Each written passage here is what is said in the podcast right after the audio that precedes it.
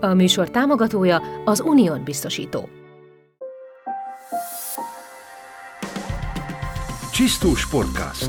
Egy elgondolkodtató beszélgetés, ahol a sportélet nagyjait dr. Csisztó Zsuzsa kérdezi.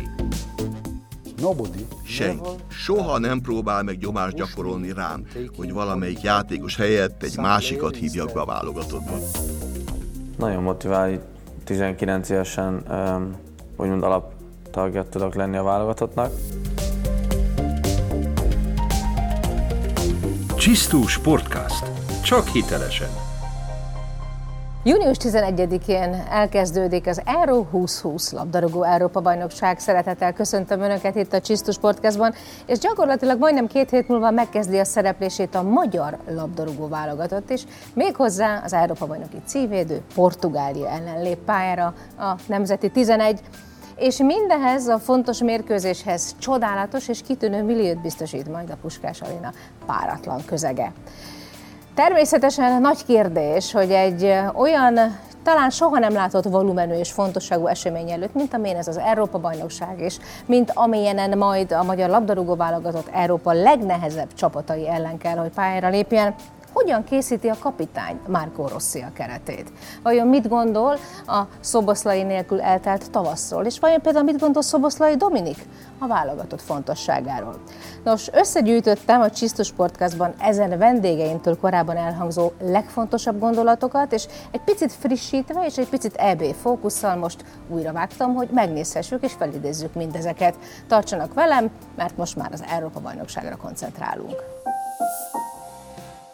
Amikor exkluzív interjút készítettem Szoboszlai Dominikkal, még a Red Bull Salzburg játékosa volt, és azon kevesek egyike, aki a pandémiás bezártság ellenére top formában jött vissza a játékba. Olyannyira, hogy a 2019 és 20-as szezon végén az osztrák Bundesliga legjobb játékosának választották. Én örülök, hogy ilyen szezon tudtam befutni, és, és amit mondtam sokszor, hogy remélem ez csak a kezdet és meg kell mutatni, hogy valójában mit is tudsz, és ki is tudsz lenni, és mik voltak kicsiként a céljaid. Uh-huh.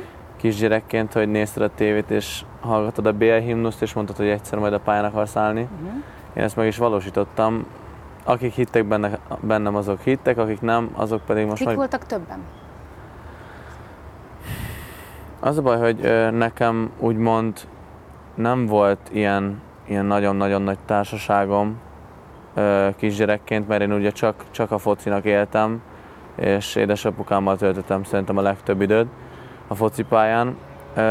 A, akik, barátaim, akik ismernek kiskorom óta, ők tudják, hogy én ezért mennyit dolgoztam, ahol most vagyok. Akik pedig csak azt látják, hogy mit érek el, és azt hiszik, hogy ez szerencse, vagy, vagy hogy hogy mondjam, azok pedig azok pedig higgyék azt, én tudom, hogy ez nem az, aki ismer, az tudja, hogy nem az. Szerintem mindig is lesznek olyan emberek, teljesen de hogy mit érek el, hogy, hogy azt mondják, hogy szerencse, hogy pont úgy jött ki, hogy a lépés pont most is, most is. De én, én nem foglalkozok ezekkel, én csinálom saját dolgomat, és megmutatom, hogy ez nem szerencse. Három éves koromban onnantól kezdtem el ugye focival foglalkozni, miután apukám is ugye focizott, és minden meccsre vitt magával, de, de nem azért, mert, mert ő akarta, hanem mert én akartam vele menni, nézni akartam a meccset, fociztam ott a pálya mellett, szóval nekem úgymond kiskorom volt, ez bennem volt ugye a vérembe, hogy, hogy tényleg én fotizni szeretnék, hogy ez az életem, hogy ez a mindenem. Igen, ezt tudom, hogy abszolút ezt tölti ki a gondolataidat, erről sokat beszélgettem már a téged ismerőkkel, hogy, hogy valóban e körül forognak a gondolataid, ami nyilván elengedhetetlen a, a sikerhez, meg a motiváltsághoz. Viszont az érdekelne, hogy te azon generáció gyereke vagy aki, akinek mindazt, ami most például a lábában van, azt a, tudom, hogy édesapád ugye nem csak itt labdarúgó volt, de, de így a személyi képzésben ő egy nagyon jó szakember. Hogy ezt ő tanította neked, vagy te azért az a generáció, vagy aki az internetről lenézte a nagyokat, és visszanézte százezerszer a YouTube-on, hogy ez most akkor hogy rúgja X vagy Y ezt a szabadrugást, vagy ezt a pontrúgást? Szódrugásra kitérve nem nagyon nézegettem senkit, hogy ki hogy rúgja, én a saját dolgomat elkezdtem csinálni. Én úgymond megpróbáltam úgymond mindenhogyan lőni a szabadrugásokat, és megtaláltam azt a pontot, hogy hogy kell megrúgni, ahhoz, hogy sikeres legyen és bemenjen. A másik dolog viszont nem apukámtól kaptam ezt, tőle is kaptam, de ez ugye a tehetség is, akinek nem, nem mindenkinek adatik meg, de, de a kemény munka sokkal fontosabb, mint hogy egy tehetséges tehetséged legyen. Így, és ugye a kettő így összejött nekem, mert ugye volt tehetségem is hozzá, és, és még bele is tettem a kemény munkát, és hála Isten jó irányba haladunk. A, a kemény munka az, az így egykor én is sportoló voltam, és az emberek vannak emléke, hogy meddig van az, amíg a sportjáték, és mi, mi az, amikor elkezdi fölfogni, hogy hát itt a játékon túl egy picit ez több, többet is kell be belerakni. Neked van erre egy ilyen konkrét uh, időszak, amire azt tudod mondani, hogy, hogy, hogy imádtad a labdarúgást, tényleg ezzel akartál foglalkozni te, ez nem egy szülői kényszer volt, uh, de amikor elindult valóban az, hogy uh, hát ebbe azért többet kell rakni, hogy ebbe bizony bele kell tenni az energiákat, hogy ki is lehessen venni belőle valamit. De ez szerintem alap kéne, hogy legyen mindenkinél, hogy, hogy ebbe többet kell belerakni. Hogyha azt gondolod, hogy fáradt vagy és, és leedzettél a csapattal, akkor az nem elég. Ott még bármit hozzátehetsz ahhoz, hogy több legyen, mint, több legyen, mint a többi. Hogy amikor ők hazamennek, te még mindig ott maradsz, és még mindig edzel. És te ott maradtál? Ott maradtam, igen. És, mi, és mindig képes voltál ott maradni? Mindig. Volt, hogy, volt, hogy kellett hozzá segítség apukámtól, hogy Tehát kell egy külső, külső motiváció, úgy érted? Ne, igen, de szerintem... Vagy akár, akár egy, egy, egy, hogy mondjam, egy hangosabb szó, hogy de most maradni kell, Dominik, most ma az a nap van, amikor itt kell maradni. Ez nagyon ritka volt, hogy azt kellett nekem mondani, hogy kell, mert én általában akartam ezt csinálni. Szóval nekem az volt a célom, hogy minél többet edzek, hogy minél jobb legyek. És néha volt olyan is persze, mint minden gyerek életében, vagy nehezebb időszakok, hogy ú, most ez már sok. És akkor jött apukám és mondta, hogy nem, ez nem sok, még csak most kezdődik. Én így kezdtem bele kiskoromba, hogy nekem ez a célom, és, és, és ezek akadályok, ezeket meg kellett ugranom. Aha. Kimentem úgy Salzburgba, hogy egyetlen egy magyar srác, edző, segítő nem volt ott. Tudtam egy kicsit angolul, semennyire Ezt németül. akartam kérdezni, hogy az ember hogy boldogul egy idegen nyelvterületen gyakorlatilag gyerekként? Hát gyerek, hát ez, hogy ítéljek az éjfiá fiamat, képtelen lennék egy év is elengedni. Pedig egy kicsit ő is beszél angolul kicsit beszéltem angolul, sem ennyire németül. Akadémián laktam, ugye, ott Aha. mindig ott volt az edzés, nem kellett semmit csinálnom. Elkezdtem német tanárhoz járni, megtanultam németül, befogadtak a társak, uh-huh. barátaim Hamar lettek. tanulsz nyelvet egyébként? Én úgy gondolom, hogy hamar megtanultam, igen. És akkor ezzel a két nyelvvel most már tökéletesen elboldogulsz a némettel és az angollal? Igen. Hát ez nagyon komoly dolog, ezzel, az, ezzel egészen jól el leszel szerintem innentől kezdve bármerre mész a világba, és még arra esély, hogy más nyelveket is felszedjél Igen. más bajnokságokban. A német és az angol tudás egyelőre elegendőnek bizonyult, hiszen Dominik remek osztrák ősze után a hatalmas érdeklődéssel kísért klubváltás továbbra is német nyelvterületre vitte őt.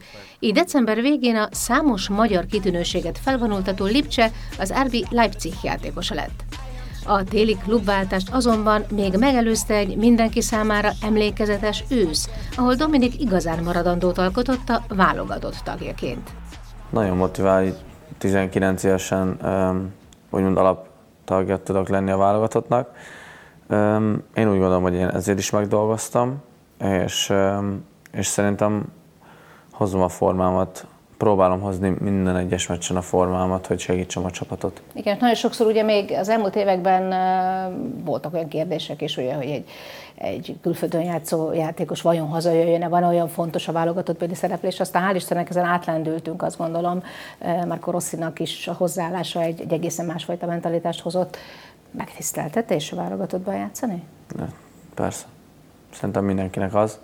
És mindenki legyen boldog, hogy ha felhúzhatta bármikor is a válogatott mezt, uh-huh. vagy még mindig felhúzza, mivel a nemzetedet szolgálod ezzel, hogy, hogy játszol, hogy, hogy megadsz mindent azért, hogy nyerjen a csapat, hogy, hogy egész a szurkolótábor, akik nézik a meccset, akiket érdekel, boldogok legyenek, és, és örömöt szerezzünk nekük.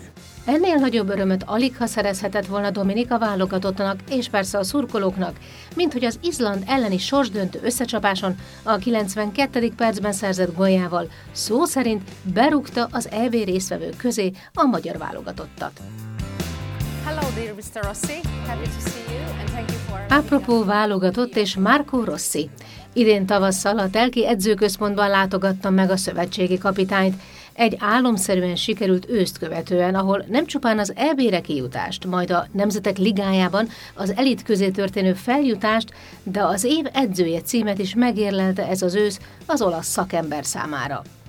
Első kézből szerettem volna tehát hallani, hogyan készül a tavaszra, milyen elvek mentén válogat a kapitány. You need to know Mindent ismerni kell egy ilyen feladatkörben az embernek. 2012. júniusa óta volt alkalmam mélységében megismerni a magyar labdarúgás hátterét, amikor először jöttem ide. És egészen biztos a magyar játékosok néhány dologban más milyenek, mint például az olaszok vagy mások. And sure, the Hungarian players have some kind, some differences compared to the Italians, for instance, or to the others. Yeah. So What, mik, ezek, mik lennének ezek a legfontosabb különbségek, amelyeket említene? But I think that, uh, yeah, we had to Nos, úgy gondolom, hogy meg kellett győznünk őket arról valamilyen módon, vagy inkább nézzük onnan, hogy különféle személyiségeink vannak, különféle személyiség jegyekkel, és az edzőnek ismernie kell a csapata minden egyes alkotó elemét. Every single itt Magyarországon mi bizony bőven találunk olyan alkatokat, akiknek egészen elképesztően, nos, úgy mondanám, hogy még az egészségesnél is nagyobb az önbizalmuk. Mondhatjuk így is, hogy igazán nagy arcuk van. Másfelől pedig számos olyan ember van, akinek egyáltalán nincs önbizalma. Önbizalom hiányosak néhányan. Szóval, amit igazán fontosnak tekintek a magyar labdarúgó válogatott szempontjából, hogy felépítsük a helyes és egészséges mértékű önbizalmukat, ami persze az önbecsülésükből fakadna, egészen biztosan. Ez azért nagyon fontos, mert a mérkőzések nehéz pillanataiban, amikből mostantól éppen elég vár ránk. Igen, meg aztán pláne így lesz. Igen, idén egészen biztosan. Tehát nagyon fontos, hogy legyen önbizalma a csapatnak, aminek a felépítését már elkezdtük, de még mindig tart ez a folyamat, még mindig dolgozunk rajta. Rossi kapitánnyal körbejártuk a válogatott otthonát, az edzőteremnél kezdve, hiszen fontos látnunk, hogy a mai modern labdarúgás elveit és fizikai elvárásait tekintve, melyek a Rossi féle kritériumok, amelyek a válogatottsághoz vezethetnek. We are looking for players that have olyan játékosokat keresünk, akiknek megvan az alap gyorsasága, akik genetikusan gyorsak tudnak lenni. Aha, szóval először a genetika. Igen, a genetika. Nyilván ez nagyon fontos, de ez önmagában szerintem nem elég. Igen, ez nem elég, hiszen még nagyon sokat kell dolgozni. Először is megvizsgáljuk azokat a genetikai adottságokat, hogy milyen az erő, milyen a játékos robbanékonysága a gyorsaságán belül. Aztán alaposan meg kell néznünk az alkatukat is. Aha, hogy milyen formában vannak ebben az értelemben, ugye? Igen, hogy milyen állapotban vannak, na is hasonlókat. Az állóképességüket például. Az állóképességet feltétlenül, hogy mennyit képesek futni, milyen intenzitással képesek futni 90 percen át. Aha, szóval itt nem az a kérdés, hogy vajon tudnak-e 90 percen át futni, hanem az, hogy milyen gyorsan és milyen intenzitással. Igen, és gyakorta azért van az, hogy sokszor kérünk adatokat a kluboktól és a játékosoktól. És segítőkészek? And do, do they make real, uh, clubs, a magyar klubok mindig nagyon együttműködőek, ez biztos így van. Mivel magyar klubok mindig segíteni akarnak, és megküldik az adatokat. És nekik valóban vannak hasznos és hozzáférhető adataik manapság? Igen, igen, számíthatunk rájuk, és van olyan szakértőnk, aki segít ebben. Hasznos adataink vannak, és egész biztosan a kollégáim és én mindig élőben dolgozunk az összes mérkőzés alatt. Élőben az összes mérkőzés alatt az egész bajnokság során. Wow. Minden játékost ismerünk a bajnokságból. Ez. Igen, az, abszolút. Ez igen. Tehát amikor meghívok valakit a válogatottba, és egyesek különféle játékosokat ajánlanak a figyelmembe, ahelyett, akit behívtam, akkor azért felszoktam tenni a kérdést, hogy mondja, tisztában van azzal, hogy én más se csinálok egész életemben, mint játékosokat figyelek. But do you know that I'm only doing this in my life? Hát miért ön akarja megmondani nekem, hogy kit hívjak be, ugye, valójában? Így van. És el kell mondanom valamit, ami igencsak fontos. Senki. És amikor azt mondom, hogy senki, akkor ez azt is jelenti, soha nem próbál meg gyomást gyakorolni rám, hogy valamelyik játékos helyett egy másikat hívjak be a válogatottba. Na végre, eljutottuk erre a pontra is. Senki, senki, senki, mondhatom, senki Néha természetesen mások megoszthatják velem a véleményüket. Hát ez mégiscsak egy vélemény. Egy vélemény, akár az öné. De a döntést ön hozza meg. Abszolút így van. És a döntés felelőssége is az öné. Abszolút, abszolút. Szóval megvan a lehetősége most, hogy ezt a csapatot a saját ízlése, meggyőződése, jövőbeni elképzelése szerint építse fel. Alapvetően, amit fontos aláhúznom, hogy ebben a munkakörben senki a világon nem értékelheti alul a technikai tudás fontosságát. Aha. Cannot take in account how important, how basic are the technical skills. Első helyen tehát mindig is a játékosok technikai tudása lesz, de tudja, ez nem elég.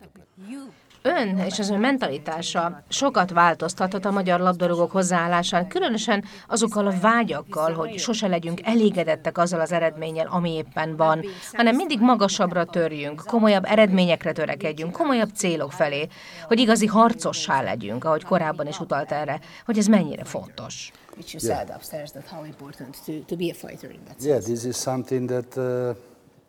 Igen, ez olyasmi, ami nagyon jellemző a karakteremre. Vagyis amikor Izland ellen nyertünk, vagy amikor a törökök ellen az utolsó nemzetek ligája mérkőzésen. Élveztem. Élveztem azt a pillanatot, de csak pár másodpercig. Mert rögtön abban a pillanatban már a jövőn kezdtem el gondolkozni, és a jövő bizony nem tűnik túl könnyűnek. Valóban nem könnyű, szép és nagy kihívások várnak örökre. Hát igen, szóval elkezdtem már azon gondolkozni és tervezni, hogy mi a teendőnk. De valóban, amit elmondhatok, amit már korábban is említettem önnek, az az, hogy jó játékosnak lenni, ahhoz először is Isten adta tehetség kell, bizonyosan. Igen. Sokat kell dolgozni, és eltökéltnek kell lenni. Ha saját példámat is említhettem, nos, én az olasz első ligában játszottam Olaszországban akkor, amikor ez a világ legjobb bajnoksága volt. Igen, tudom. Én egy normális játékos voltam, normális. Egy normális sportoló, minden átlagos volt velem kapcsolatban. Nem voltam kiemelkedő igazán egyetlen szempontból sem. De rengeteget dolgoztam, és arról álmodoztam, amikor gyerek voltam, hogy futbalista leszek. És ez végül sikerült is nekem, és leginkább azért, mert nagyon elkötelezett voltam a futball iránt. Hát igen, ez azt jelenti, hogy egy erős elme, ami feltétlenül kell. De azt szoktam mondani mindig a játékosai barátaimnak is, hogyha nekem sikerült, hogy az első osztályban játszak, az olasz első osztályban, akkor bárkinek sikerül elérni a célját. És bizony még ilyen mentalitással sem könnyű minden szembejövő akadályt lazán átugrani, hiszen még így is jöhetnek váratlan és kellemetlen fordulatok egy szakember pályafutásában, ahogy ez Marco Rossival is történt tavaly ősszel. Nagyon jól emlékszem arra az estére, amikor a csapatorvos azt mondta nekem, és hogy... mit mondott? Hé, Márkó, volna itt valami? Na most egyetlen eset volt, és a csapattal egyaránt vártuk a PCR-tesztek eredményét, és a masszás szobában voltunk, ott az összes fizioterapeutával, és csak vártunk, vártunk, amikor is egy bizonyos pillanatban egyszer csak jött egy hívás. At a certain point arrived a telephone call és a doki azt mondta, egy pozitív eset van. És rákérdeztem, hogy ki az? Te, jött a válasz. Úristen! Nos, abban a pillanatban... pillanat lehetett. Szóval abban a pillanatban nem is akartam elhinni. Olyan mérges voltam magamra elsősorban, és azt kérdeztem magamtól, hogy vajon hol szedhettem össze a vírust? Hol fertőződhettem meg? De hát persze a nap végén ez végül is nem feltétlenül egyéni felelősség kérdése. Igen, és mi a helyzet azzal a másik sorsfordító pillanattal, amikor Szoboszlai berúgta a mérkőzés végén a mindent eldöntő gólt? Amire nagyon-nagyon jól emlékszem az, hogy sikerült egyenlítenünk. Right. Igen, igen. És azután már attól a pillanattól kezdve arról egyeztettünk, hogy a hosszabbításban milyen változtatások kellenek. Szóval ekkor már a hosszabbításra készült, ugye? Igen, igen, mert ugye addigra nagyon sok támadó játékost hoztunk be, és ez egy kicsit a védekezés rovására ment, úgyhogy azon aggódtunk, hogyan tudjuk helyreállítani ezt egyensúlyt a hosszabbításban. És ekkor ebben a pillanatban Szoboszlai kitalált valamit, tényleg kitalált, és berúgta és utólag azt mondtam neki, hogy nézd, nagyon szerencsés voltál, és én is, mert már korábban többször azon gondolkodtam a meccs alatt, hogy lecserélnek.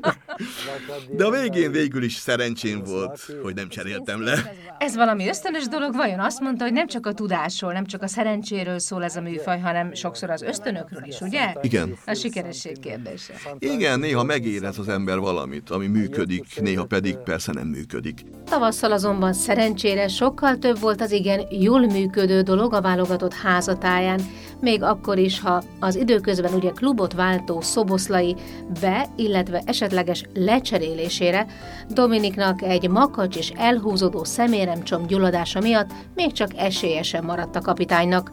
Nos, erre is volt B-terve Márko Rosszinak. Úgy gondolom, hogy Dominik jelen pillanatban bizonyosan a legértékesebb játékosa a magyar csapatnak.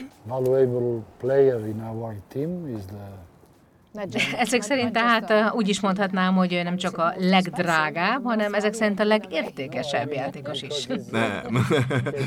Úgy értem, hogy most, amikor aláírt a Lipcsénél, igen, az eladási értékét tekintve mindenképp. És most majd együtt játszik például Gulácsi Péterrel és Vili Orbánnal, de ha a technikai szemszögből nézem, akkor mindenképpen, mint az egyik legfontosabb játékost ünnepelhetjük a keretben. És igen, roppant fontos a számunkra, és mindig elmondom, hogy a játékos sok tudása, annak színvonala, olyasmi, amit nem hagyhatunk ki a csapatból.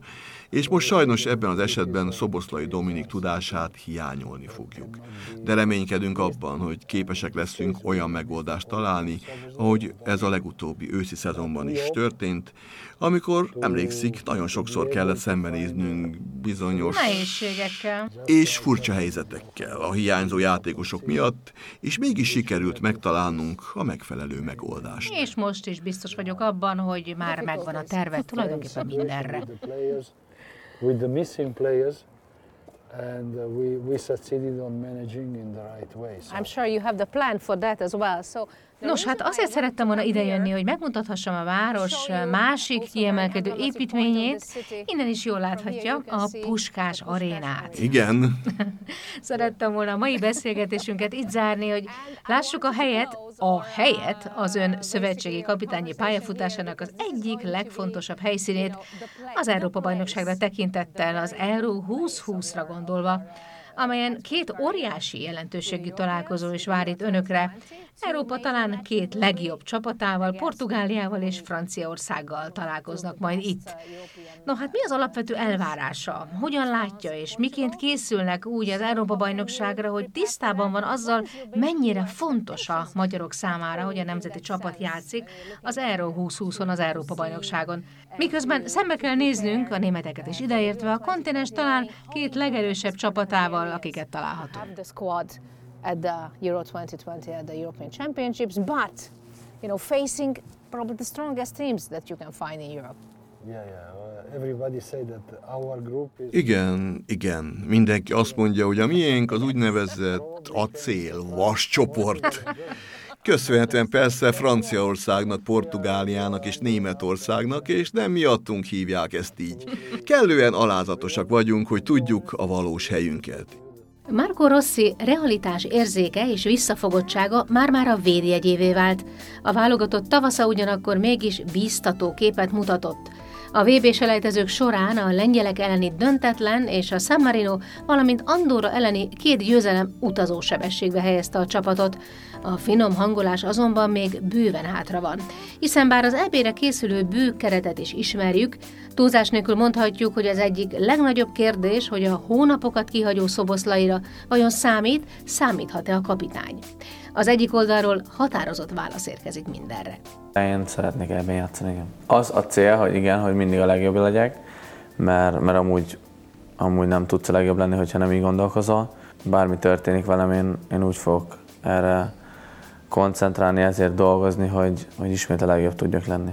Nos tehát elszántságból és hajtóerőből ötös és a napokban várható fontos döntésen és végső keret hirdetésen túl persze az is lényeges, hogy Marco Rossi összességében mit vár a közelgő Európa-bajnokságtól. Szeretnék egy ugyanolyan környezetben és ugyanolyan hangulatban itt lenni és itt élni, mint 2016-ban, amikor mindössze a Honvéd vezetőedzője voltam, és a magyar labdarúgó válogatott drukkere voltam, akkoriban még csupán Okay. De nagyon jól emlékszem ma is a környezetre, a hangulatra, hogy a legtöbb autón lobogtak a zászlók, hogy az emberek a nemzeti trikolorral... Az arcukon, igen. Igen, az arcukon sétáltak az utcán. Ez valami egészen elképesztő volt, és szeretném ezeket az élményeket újra átélni.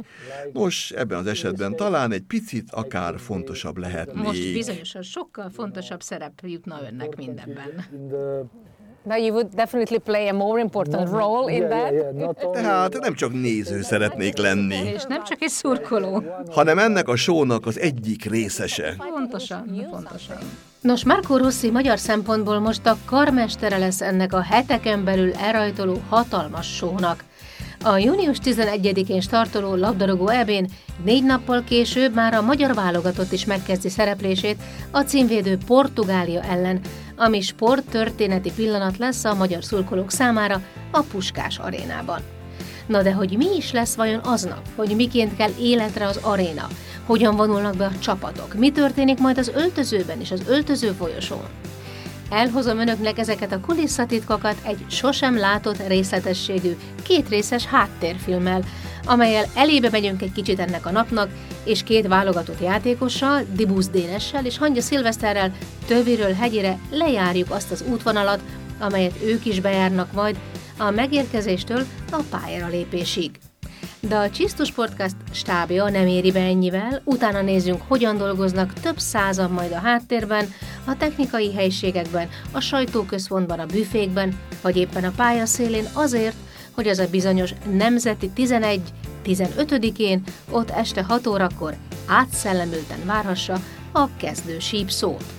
Tartsanak tehát velem legközelebb, és addig is iratkozzanak fel a Csisztu Channel YouTube csatornámra, és hallgassák meg a műsoraimat a különféle podcast felületeken, mert jön a Puskás Aréna háttérfilm Európa bajnoki üzemmódban, a Csisztus Podcastban. Viszlát! A Csisztus Podcast producere és műsorvezetője Csisztus Zsuzsa, szerkesztője Kovács Orsolya, stábigazgató Molnár Géza. Köszönjük a stylingot Mihály Parisnak, a sminket Horváth Andrának, a frizurákat Szekeres Krisztának. Együttműködő partnerünk a Charity, a Guess Hungary, a Zema Porcelán Ékszerház és a Primus Labor. A műsor támogatója az Unión biztosító.